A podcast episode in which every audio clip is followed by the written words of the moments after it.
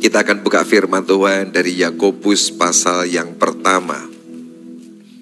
Ayat 2 dan ayat yang ketiga. Yakobus pasal yang pertama, ayat 2 dan ayat yang ketiga. Saudara-saudaraku, anggaplah sebagai suatu kebahagiaan apabila kamu jatuh ke dalam berbagai-bagai pencobaan. Sebab kamu tahu bahwa ujian terhadap imanmu itu menghasilkan ketekunan. Saudara ketika saya membaca ayat ini saya timbul pertanyaan dalam hati saya. Kok dianggap berbahagia ya orang yang sedang dicobai atau orang yang sedang mengalami godaan? Sebab kalau orang yang dicobai dan mengalami godaan tidak enak loh saudara. Sebab akan muncul sebuah peperangan, pertentangan dalam hati kita. Ya kan? Karena orang yang digoda dicoba itu gak pengen supaya dia gagal. Dia pengennya bisa menang. Tapi Tuhan berkata berbahagialah kalau kamu itu ada di dalam cobaan atau godaan-godaan. Nah saya mau kasih ilustrasi buat saudara. Kami dalam minggu ini baru pulang dari Bali saudara. Kami ada pasar conference dua hari. Rabu, eh, Selasa dan Rabu dua hari. Dan setelah itu teman saya berkata, Pak Victor, kamu liburan lah. Kamu kan selalu pergi terus. Apa namanya pelayanan terus. Dah liburan. Dan teman saya dari Makassar ini, dia pesankan hotel di Bali. Hotel yang lumayan bagus. Kempinski saudara. Itu hotel yang semalam selima enam juta satu malam saudara. Udah kamu nginap situ. Dua hari kamu di sini. Healing. Karena sudah capek khotbah terus. Oh iya, sebenarnya saya malas saudara. Pengen langsung balik ketemu saudara. Kangen dengan Semarang. Tapi ya sudah, sedikit memaksa. Dia bilang bawa istri. Wah istri saya itu susah dibawa saudara.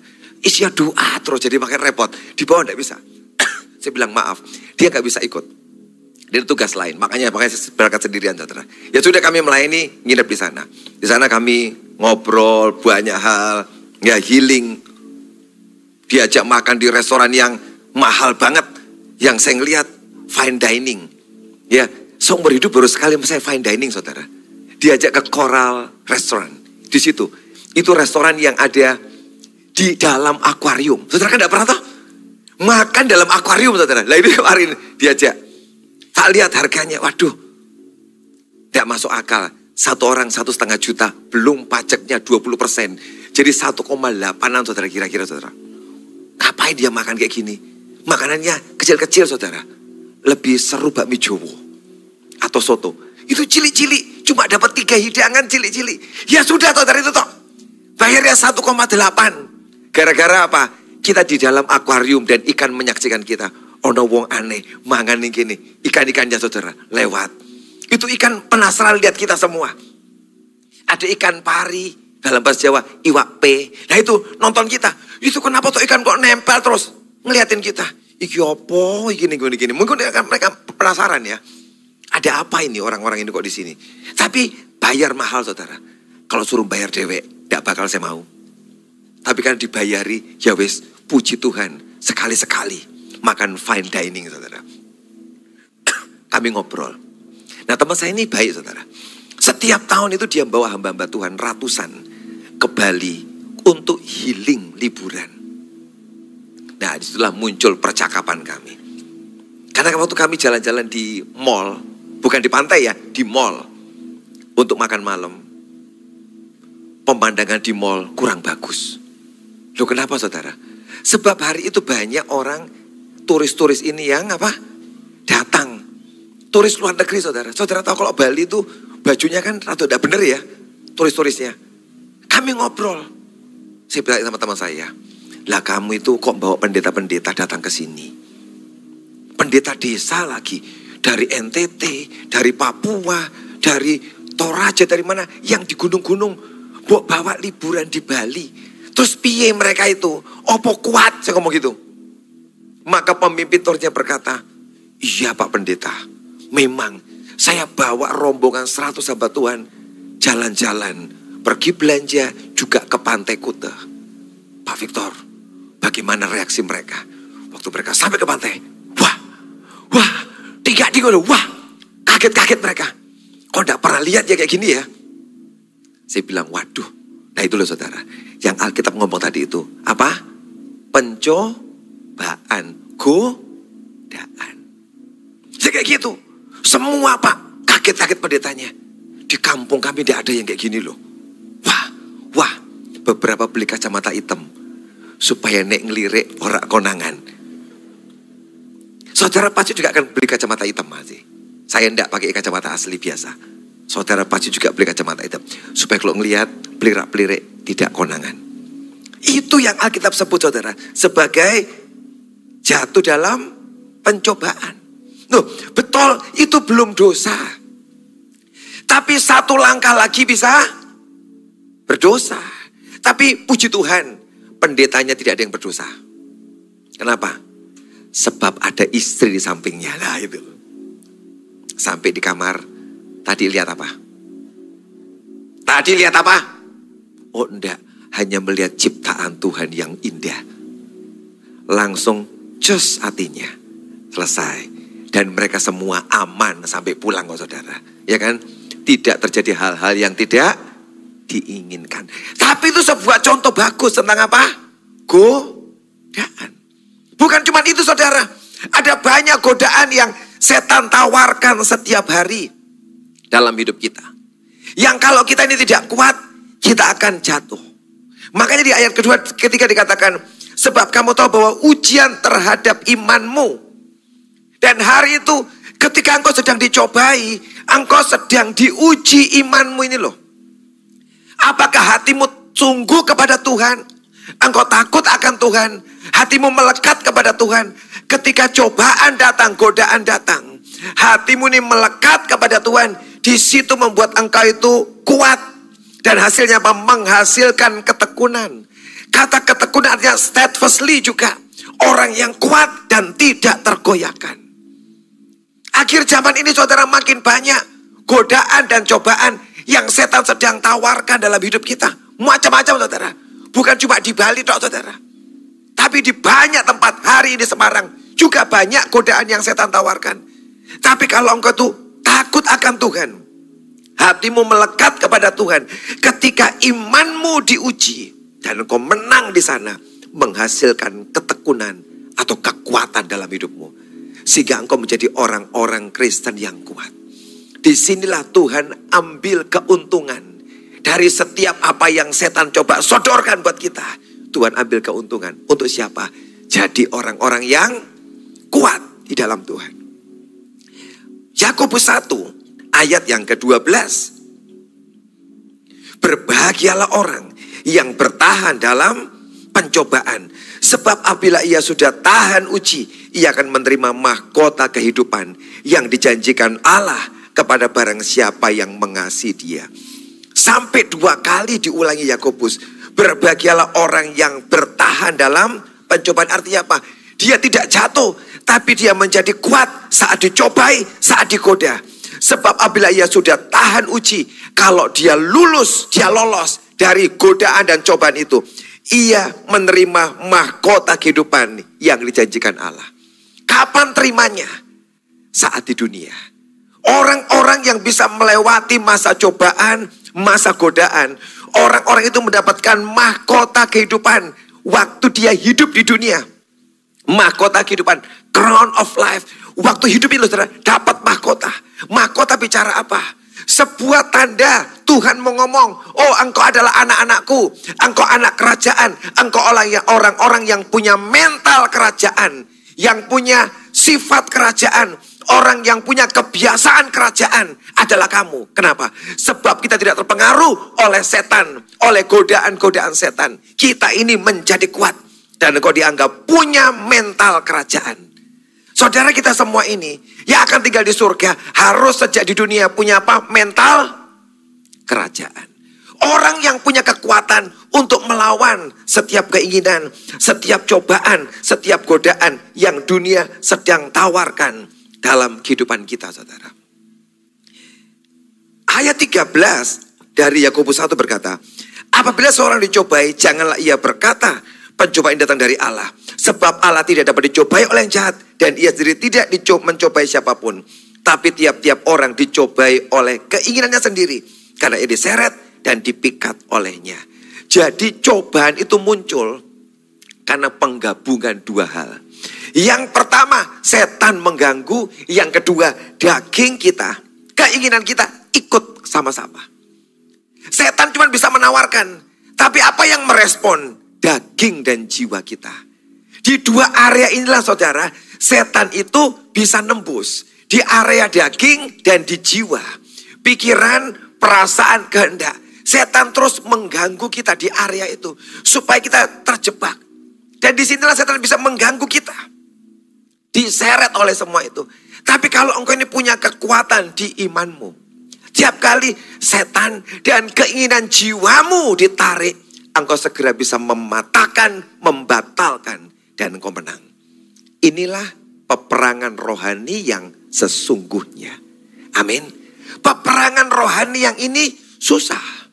Kalau peperangan rohani melawan setan yang ada di tempat-tempat yang keramat, oh itu lebih gampang. Gak kelihatan, tinggal ditengking selesai. Tapi setan yang tidak kelihatan, yang mengganggu di hati pikiran, itu lebih susah. Dan banyak orang yang ketipu dengan setan yang mengganggu hati dan pikiran kita, yang terus memberikan banyak keinginan-keinginan yang mengganggu kita, itu lebih susah. Jadi karena itu mesti hati-hati. Jangan sampai hatimu dan jiwamu dipengaruhi dan hari itu engkau keseret dan engkau jatuh di sana. Ada banyak tawaran setan yang memberikan dalam hari-hari ini yang tidak merasuk tapi pelan-pelan membisikkan dalam kehidupan kita. Saya ngonseling orang beberapa yang minta konseling tentang masalah terikat utang. Bukan perjinahan, bukan. Terikat utang. Loh, dia utang itu bukan karena untuk usaha saudara. Tapi ada orang-orang tertentu yang memang utang itu jadi sebuah kesukaan. Orang itu nggak tahu kenapa ya, kok selalu utang. Kalau udah utang sampai bisa bayar, setelah bayar pengen utang lagi. Tapi di hati pasti tidak ada. Tidak ada yang ngaku. Ada orang yang kayak gitu saudara sifatnya. Satu orang cerita, saya ini utang bang. Dan puji Tuhan dibayari keluarga saya. Puluhan juta. Selesai. Selesai itu Pak. Saya utang lagi Pak. Keluarga saya marah. Dan saya dibiarkan. Ada orang saudara. Cerita juga. Pak saya ini utang loh Pak. Sekian ratus juta. Puji Tuhan bisa dibayar. Setelah itu utang lagi. Dan hidupnya itu tidak pernah lepas dari utang. Bayar utang lega membuat penasaran nek aku utang mana pasti so bayar mana utang lagi utang lagi saudara orang yang model gini ada spirit yang mengikat dia loh harusnya kalau orang yang normal habis utang iso bayar lega aku ndak mau lagi utang sudah selesai lah itu orang betul tapi kalau orang terus terikat terus hidupnya terikat dan orang utang itu menderita bukan cuma keinginan utang ada spirit di dalamnya yang mengganggu mengikat engkau. Pak utang kan tidak dosa. Betul tidak dosa. Tapi akibatnya dosa. Sebab orang utang itu dosa. Kalau ditelepon, kering. Mati dengar. Telepon yang Anda cari sedang bersembunyi. Ya toh? Ya kan? Karena apa? Utang. Nek digolek orang yang ditelepon, pasti apa? Bersembunyi. Tidak muncul. Nah, itu sudah salah. Nanti kita bohong, macam-macam. Utangnya mungkin tidak salah. Tapi efeknya, akibatnya lebih banyak salahnya, dosanya saudara. Pura-pura, bohong, macam-macam cari alasan. Yang semuanya berbohong, dosa. Jadi karena itu ini mesti dipatahkan. Utang. Judi. Ada orang yang judi. Judi itu memang menyenangkan loh saudara. Pak Victor pernah judi? Tidak pernah. Aku judi tidak tahu. Main kartu aja bingung saya itu. Orang yang judi. Judi itu enak loh saudara. Ya kan? Kalau dapat. Tapi saya mau tanya, berapa banyak yang dapat untung? Semua yang judi habis-habisan. Betul? Tidak ada uangnya. Banyak jual ini, jual itu untuk judi. Sekali-sekali menang. Menang sejuta. Kalanya 100 juta. Nah bukan menang itu namanya saudara. Saudara minus 99 juta. Tapi orang yang terikat judi, judi terus ya. Judi, kalau pas kalah, penasaran piye balik ke duitku. Ya kan? Kalau pas menang, Penasaran juga bagaimana bisa menang lagi. Tidak pernah berhenti saudara. Saudara tahukah? Ada spirit dalamnya yang sedang mengikat saudara. Setan terus menggoda engkau. Dan engkau meresponi. Selama kau meresponi, engkau itu akan terus ditaklukkan, diperbudak oleh roh itu. Saya dengar podcast bagus saudara. Podcast Kristen. Ada satu orang Kristen yang dia cerita pengalamannya. Bagaimana dia lepas dari perjudian. Dia suka judi saudara. Satu kali dia istrinya sampai habis-habisan. Dia kaya habis-habisan. Sampai dia memutuskan satu kali. Aku mau berubah. Apa yang dia buat? Tiap kali mau pergi, dia tidak bawa uang. Uang secukupnya.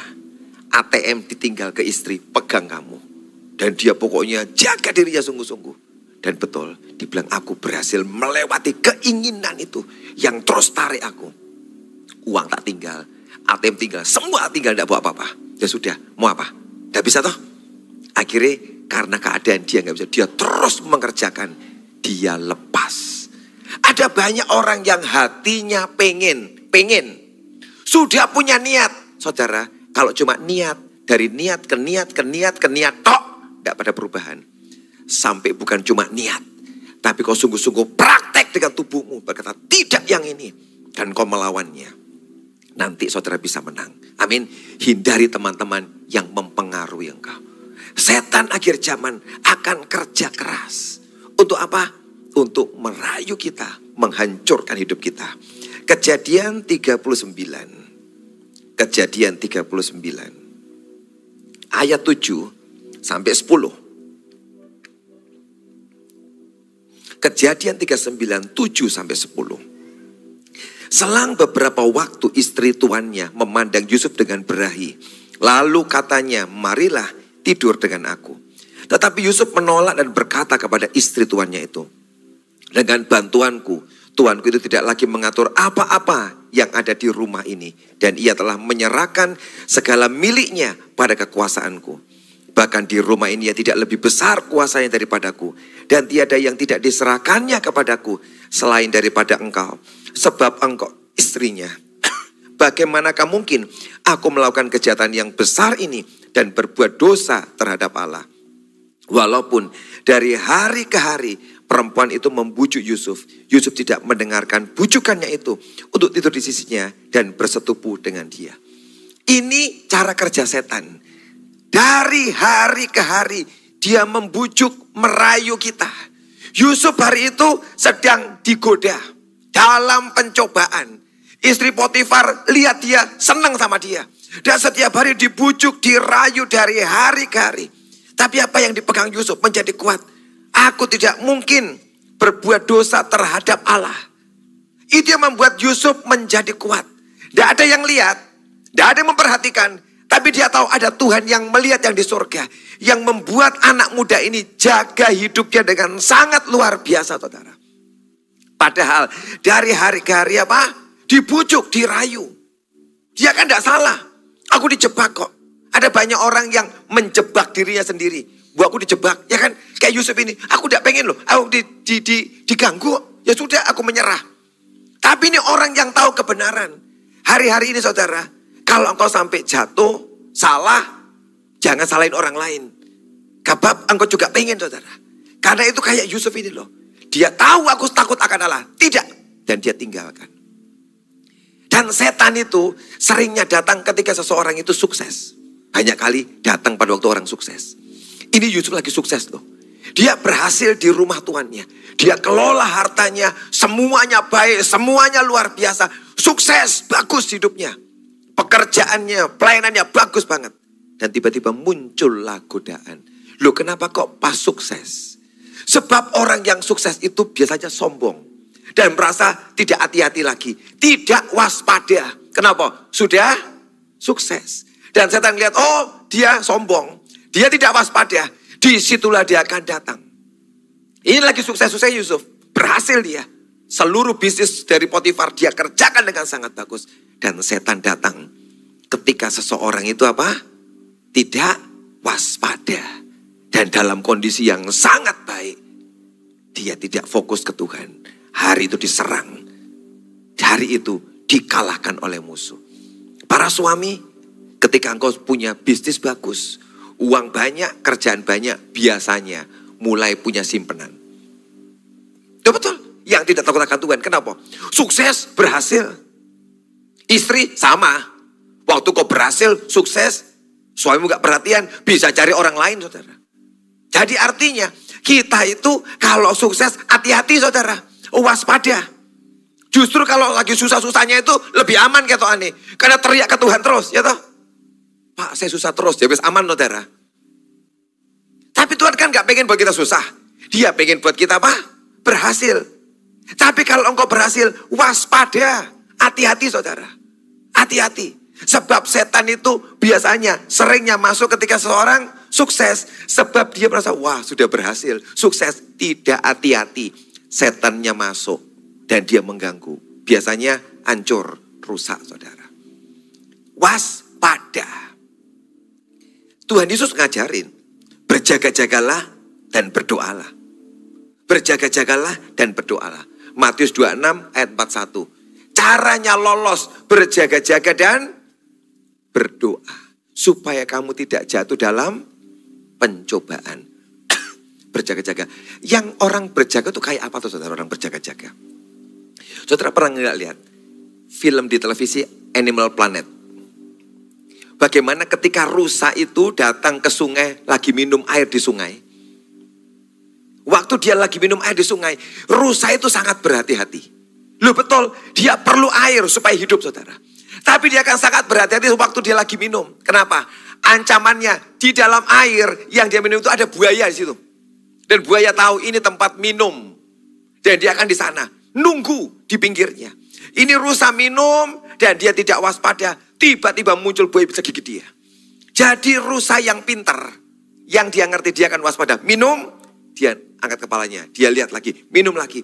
Sebab waktu dia minum konsentrasi ke airnya, dia nggak lihat sekitarnya. Kalau buaya muncul terkam tiba-tiba. Dia mesti sungguh-sungguh hati-hati berarti di air. Jangan sampai buaya muncul gigit dia. Tapi dia juga mesti angkat kepala, lihat ke belakang. Sebab ada singa atau ada cita, ada hiena di belakang yang bisa menerkam dia. Sebab semua binatang juga perlu minum. Lah kesempatan mau minum kok ada rusa dimakan sekalian. Jadi rusa itu tantangannya banyak. Yang pertama dalam air ada buaya, di belakangnya ada singa yang sangat berbahaya. Dia harus ekstra waspada. Begitu dia asik minum, dia lengah, terkam saudara. Entah buaya, entah singa saudara. Itulah artinya waspada. Sambil dia minum, perhatikan sekelilingnya. Kalau ada bahaya, lari saudara. Hidup kita seperti itu. Yang Tuhan berkata berjaga-jagalah. Seperti itu saudara. Sambil hidup di dunia ini, engkau kerja, mengerjakan apa saja, jaga hidupmu, waspada. Sebab kita nggak pernah tahu kapan musuh datang dan menyerang kita. Kalau engkau selalu waspada, engkau lolos. Amin. Tapi yang kedua dikatakan berjaga-jaga dan berdoa. Artinya apa? Kekuatan kita ini terbatas. Kekuatan waspada kita terbatas. Ada saatnya bisa kita kelolosan. Tapi kalau engkau berdoa, maka ada pihak ketiga, yaitu Tuhan, yang akan menolong saudara. Ketika ada bahaya, dia akan ngomong hati-hati. Bukan kita saudara, Tuhan ngomong hati-hati. Dan kau merespon, ya hati-hati. Dan kau lari. Lolos saudara. Kenapa dia katakan berjaga-jaga dan berdoa. Kalau dua hal ini yang Tuhan Yesus ajarkan, kita kerjakan. Terus berdoa. Terus berdoa. Tapi kau juga menjaga dirimu. Engkau lolos dari setiap cobaan dan godaan dalam hidupmu. Setan itu maha rajin.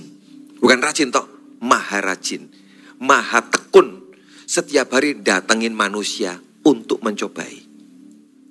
Ketika manusia pertama Adam dan Hawa di Taman Eden, setan tidak datang sekali dalam bentuk ular, tidak sehari tok. Saya percaya tidak sehari tok. Itu pasti tiap hari datang ke sana menemui Hawa. Karena Hawa pasti lewat di bawah pohon dia ngelirik. Wah ini buahnya kok merah ya, menarik ya. Muncul setan. Shalom Hawa. Harus hati-hati. Kalau sampai ular ngomong shalom, hati-hati. Sebab dia palsu shalomnya. Oh, baik kok enggak apa-apa. Lolos satu hari, enggak apa-apa. Hari kedua lewat, shalom Hawa, apa kabar? Tiap hari itu berkali-kali ramah. Dan tiba-tiba dia memberikan tawaran-tawarannya. Makan aja, enggak apa-apa kok. Makan, kamu seperti Tuhan nanti jadinya. Itu terus menerus, enggak sekali saudara. Kalau cuma sekali pasti Hawa kuat, enggak. Tapi itu pelan-pelan setiap hari dengan sangat rajin, setan itu mengganggu Hawa sampai satu kali. Dia ambil dan dia makan. Dan dia binasa, saudara. Setan hari ini kerjanya masih sama. Pelan-pelan masuknya. Pelan-pelan terus memberikan godaan dan cobaannya.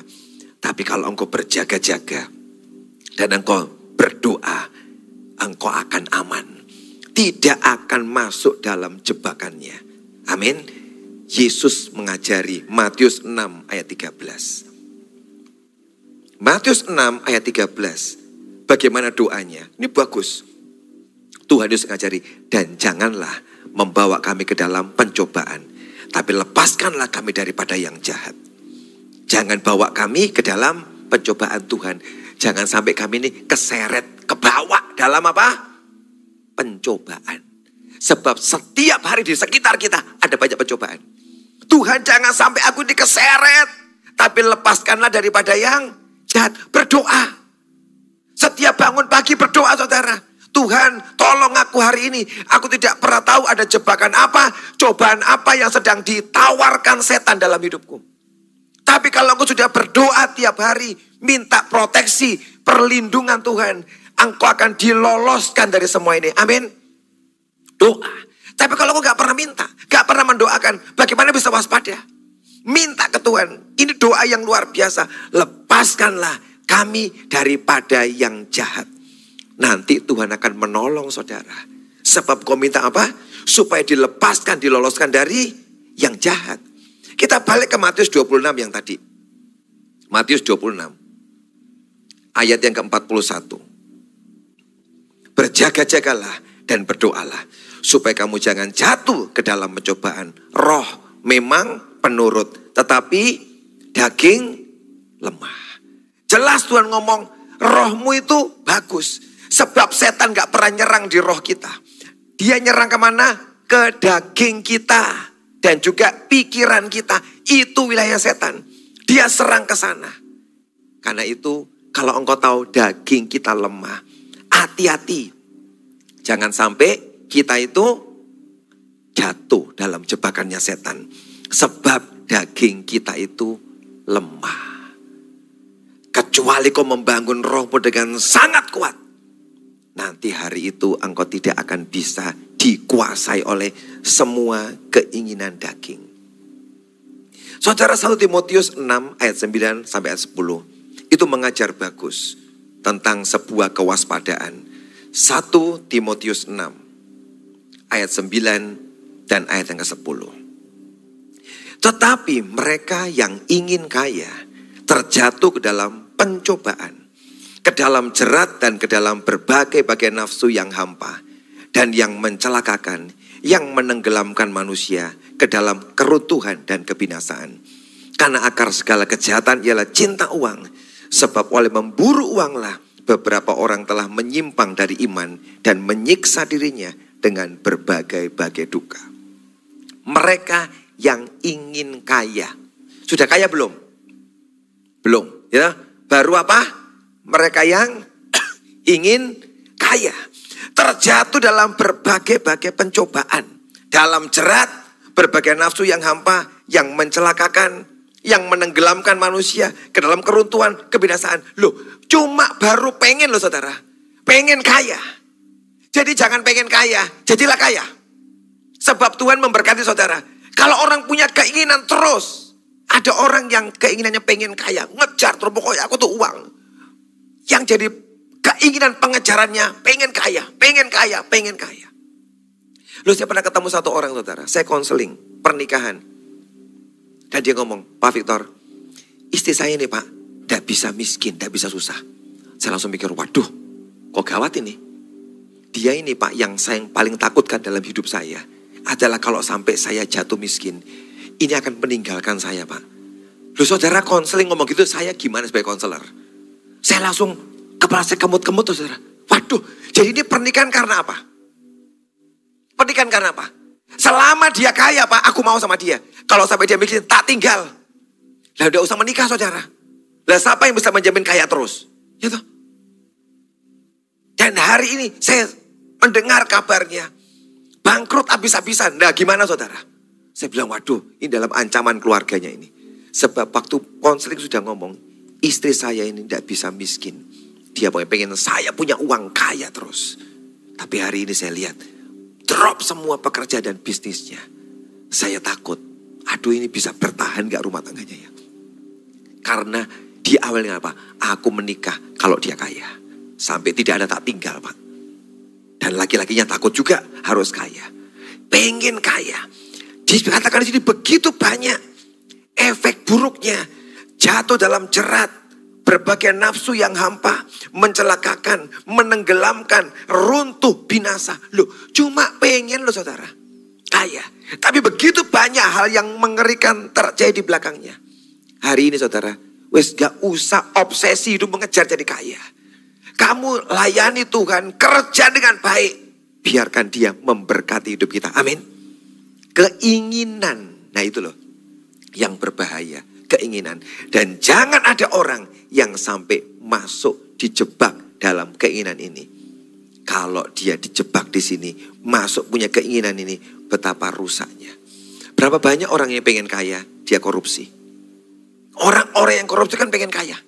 Sampai dia buat banyak hal. Pokoknya apa? Demi aku kaya. Korupsi. Orang mencuri. Kenapa? Pengen kaya. Dia pengen yang cepat instan lah. Aku curi aja. Betapa banyak orang-orang yang mencuri gara-gara apa? Pengen kaya. Berjudi termasuk. Kenapa kok judi? Pengen kaya instan. Enak loh. Nek judi itu sekali judi satu miliar dapatnya. Pasti ini cepat kayanya. Dan dia ikut judi. Kaya enggak? Enggak. Ente-entean. Yang berikutnya. Pengen kaya. Uangnya diinvest semua. Ke saham yang ilegal kerobot ke mana-mana kemarin yang banyak banget beritanya itu. Kenapa? Karena pengen kaya, cepet. Serakah, ini gede dapatnya dimasukin. Tidak dapat apa-apa, habis uangnya saudara. Semua yang pengen kaya, pengen kaya, ujungnya habis semuanya, kehilangan. Kalian saudara, jangan pengen kaya. Kerjalah yang baik. Sungguh-sungguh bergantung pada Tuhan, berharap pada Tuhan. Nanti hidupmu bisa menikmati kehidupan. Amin. Sebab engkau tidak masuk dalam godaan. Tidak masuk dalam cobaan. Lu memang semua itu tuh pengen jadi orang yang kaya saudara. Kalau memang sudah waktunya, jatahnya, kerja sungguh-sungguh. Setiap kita dijanjikan Tuhan diberkati kok saudara. Amin. Kau usah takut, diberkati. Menyimpang dari iman dan menyiksa diri dengan berbagai-berbagai duka. Kalau sampai orang sudah model gini saudara yang pengen kaya ini, engkau sedang mengotori bajumu. Engkau sedang mencemari bajumu. Sehingga Alkitab ngomong, mempelai itu harus bajunya putih bersih, tanpa cacat, tanpa celah dan tanpa noda. Tapi kalau orang sudah mulai penuh dengan godaan, penuh dengan pencobaan, maka orang itu akan mengotori bajunya. Ketika dia nanti menyambut Tuhan, kotor bajunya saudara. Kenapa? Yang gini-gini saudara. Semua godaan-godaan yang dia ikuti, yang dia turuti, sedang mencemarkan bajunya. Waktu dia menyambut Tuhan, hidupnya kotor, hidupnya tercela. Dan orang itu tidak bisa menyambut Tuhan yang di awan-awan. Galatia 6 ayat 1. Peringatan lagi. Saya bersyukur ada begitu banyak peringatan-peringatan yang Tuhan berikan tentang cobaan dan godaan saudara. Saudara-saudara, kalaupun seorang kedapatan melakukan suatu pelanggaran, maka kamu yang rohani harus memimpin orang itu ke jalan yang benar dalam roh lemah lembut. Sambil menjaga dirimu sendiri supaya kamu juga jangan kena pencobaan. Nah ini tentang konselor.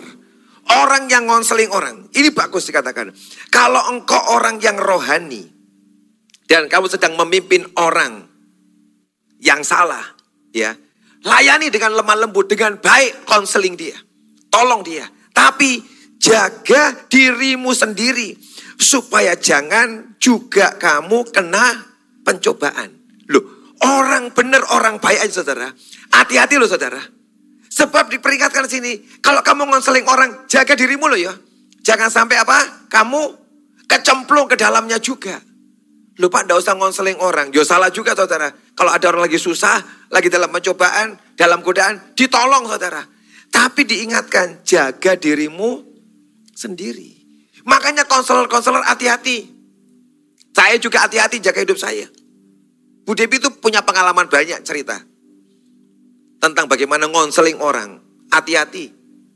Dia cerita, satu kali ada ibu-ibu yang konseling. Ibu ini dipukuli suaminya. Ya kan? Dipukuli suaminya, suaminya jahat, gak kenal Tuhan. Disiksa hidupnya menderita, konseling. Sama konselor. Nah konselernya Pak Pendeta. Cerita, makanya hati-hati saudara. Saya tidak mau konseling yang ibu-ibu muda, hati-hati saya tidak mau. Kalau konseling suruh istri saya kamu aja konseling ah. Pelepasan apalagi. Nih perempuan saya tidak mau melayani. Perempuan dengan perempuan aman. Ya? Hati-hati loh. Jaga diri setiap kita. Saya ini loh baca firman. Jaga dirimu sendiri. Hati-hati. Lu betul kita kuat. Kita yang melayani. Hati-hati. Nah Pak Pendeta ini kasihan. Dia kuat. Dia melayani. Ibu-ibu nangis-nangis. Konseling. Dipukuli suaminya. Suaminya jahat. Maka pendeta kan ngomongnya masih manis saudara. Tidak tolong. Memang kamu ibu yang tidak benar. Kan mungkin. Pasti halus ngomongnya. Oh iya bu, sabar ya bu, kuat ya bu. Tapi berjarak, ada jarak itu? Kuat ya bu, sabar. Yang dikonselingkan senang, pulang. Dipukul lagi, datang lagi. Pak pendeta, saya sudah sabar. Dipukul lagi. Mulai dipegang. Sabar ya bu. Waktu pegang pundak, sabar ya bu. Mulai aliran-aliran plus dan negatif ketemu. Ker, ker sabar. Ibunya pulang. Kuat hatinya. Kenapa? Ditepuk sabar ya bu. Seminggu kemudian datang lagi nangis-nangis. Saya dipukul lagi Pak Pendeta. Langsung nangis nubruk pendetanya. Sabar ya bu. Wah, dan sudah gini sabar ya bu. Wes hati-hati. Banyak yang koslet. Ini loh, jaga dirimu. Ada banyak orang yang konseling malah jatuh sama konselornya. Hati-hati. Setan pinter. Jangan pernah merasa kuat. Tidak usah merasa kuat. Waspada. Sebab kita nggak tahu musuh kita, strateginya musuh kita. Loh ini sudah banyak loh saudara. Saya pernah dengar hamba Tuhan ngelayani anak-anak yang hidup di dugem. Pakai narkoba ke diskotik, dilayani. Oh didengarkan ceritanya. Terus bagaimana untuk menolong dia? Ditemani ke klub malam. Tak temani supaya tidak berdosa. Wah gayamu. Tak temani. Ditemani supaya tidak berdosa. Di klub itu. Kan kamu kalau, kalau mau minum, jangan minum dik. Jangan ini dik. Sekali dua kali betul jangan minum. Yang ketiga melu ngumpi pakai narkoba, ancur pendetanya. Itu kenyataan, bukan cerita bohong loh saudara. Kenyataan. Kenyataan. Kenapa? Merasa kuat dan coba mendampingi. Hati-hati orang-orang yang jadi konselor ya. Hati-hati. Jangan sampai engkau sendiri kebawa ke sana dan engkau sendiri kena pencobaan. Sebab setan itu jahat. Dia tahu bagaimana merusak dan menghancurkan. Hati-hati. Jaga dirimu. Yesus itu dia yang paling kompeten memberikan contoh yang luar biasa ayat terakhir, Ibrani 2 ayat 18. Ibrani 2 ayat 18. Sebab oleh karena ia sendiri telah menderita karena pencobaan, maka ia dapat menolong mereka yang dicobai. Saudara tenang, Tuhan Yesus sudah menang. Amin. Dia dicobai dalam berbagai hal dan dia menang. Di Lukas 4 di sana ada kisah Yesus dicobai oleh setan yang mencobai Yesus Lucifer pada hari itu. Kapan dia dicobai saudara? Ketika hari itu dia selesai dibaptis. Dia di sungai Yura dibaptis Yohanes Pembaptis. Dan ada burung merpati yang adalah roh kudus turun ke atasnya. Langit terbuka ada suara inilah anakku yang kukasih kepada aku berkenan. Selesai dibaptis langsung ke padang gurun ketemu sama setan saudara di sana. Dicobai langsung. Setelah dia terima pujian, setelah dia wow ini anak yang dicintai bapaknya di surga, senang dia luar biasa, langsung ketemu sama setan. Dicobai. Tapi yang hebat, hari itu dia menang saudara. Amin. Dia menang. Dia nyaris kalah loh. Tapi dia menang waktu dicobai. Kenapa? Dua hal yang dia punya. Dipenuhi roh kudus dan dipenuhi firman. Dipenuhi roh kudus. Di Yordan, dia dipenuhi roh kudus. Yang kedua, dia punya banyak firman. Waktu setan mencobai dia, dia keluarkan semua firmannya. Kenapa kita perlu baca firman banyak? Firman itu yang di dalam kita punya kekuatan melawan semua musuh kita dan penggoda kita. Amin. Dan hari itu dia menang, dia lolos. Diuji, dicoba dalam berbagai hal. Dia bisa lolos dan dia menang. Dan dia berkata, dia dapat menolong mereka yang dicobai. Amin. Supaya apa? Lolos dari semua pencobaan. Ibrani 4 ayat 15. Ibrani 4 ayat yang ke-15. Sebab imam besar yang kita punya bukanlah imam besar yang tidak dapat turut merasakan kelemahan-kelemahan kita. Sebaliknya sama dengan kita. Ia telah dicobai hanya tidak berbuat dosa. Ini Tuhan yang menang. Kalau Tuhan kita menang, kita ini anak-anaknya. Amin. Kita diberikan juga kekuatan yang sama. Dia akan menyertai kita. Sehingga tidak ada orang-orang lagi yang jatuh di dalam pencobaan. Tapi semua kita dan bisa menolak setiap godaan dan cobaan yang ditawarkan setan. Saya berdoa hari ini semua kita jadi orang-orang yang kuat di dalam Tuhan. Amin. Tidak gampang ditipu oleh setan, tidak gampang. Penuh firman, penuh roh kudus, waspada, berdoa, berjaga-jaga. Hidupmu akan aman. Dunia ini makin jahat kalau kita nggak punya strategi peperangan rohani yang sungguh dalam kehidupan kita, kita ini bakal kalah. Kita ini bakal kalah. Kemarin Bu Dewi cerita sama saya, Pak. Ada toh, ibu-ibu hebat loh. Ini ibu pendoa. Dia pendoa. Dia keliling ke mana-mana. Satu kali, suaminya itu konseling orang. Dan akibatnya apa? Malah seneng dengan konselingannya dia cerai dengan istrinya, yang sana cerai, dan mereka kawin akhirnya. Konselernya sama ibu ini. Sedih loh saudara, pendeta hamba Tuhan. Saya pendeta hamba Tuhan. Saya juga jaga diri saya, hati-hati. Kebetul. Semakin kau dipakai Tuhan, semakin berbahaya posisi kita. Sebab engkau orang-orang yang di ujung tombaknya Tuhan. Orang yang dipakai Tuhan luar biasa.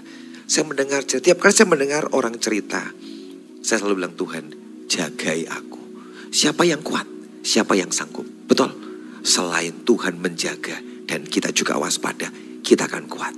Tapi kalau enggak saudara, hidup kita akan jadi mainannya setan. Jangan mau jadi mainan setan saudara. Orang yang jatuh dalam pencobaan, dalam godaan, itu orang dibuat mainan oleh setan. Dibuat mainan. Setiap kita, kita tidak akan dikalahkan oleh musuh. Kita yang mengalahkan musuh kita. Amin. Akhir zaman, dia cari orang-orang yang menang, yang punya kekuatan, mengalahkan setiap jebakan-jebakan setan.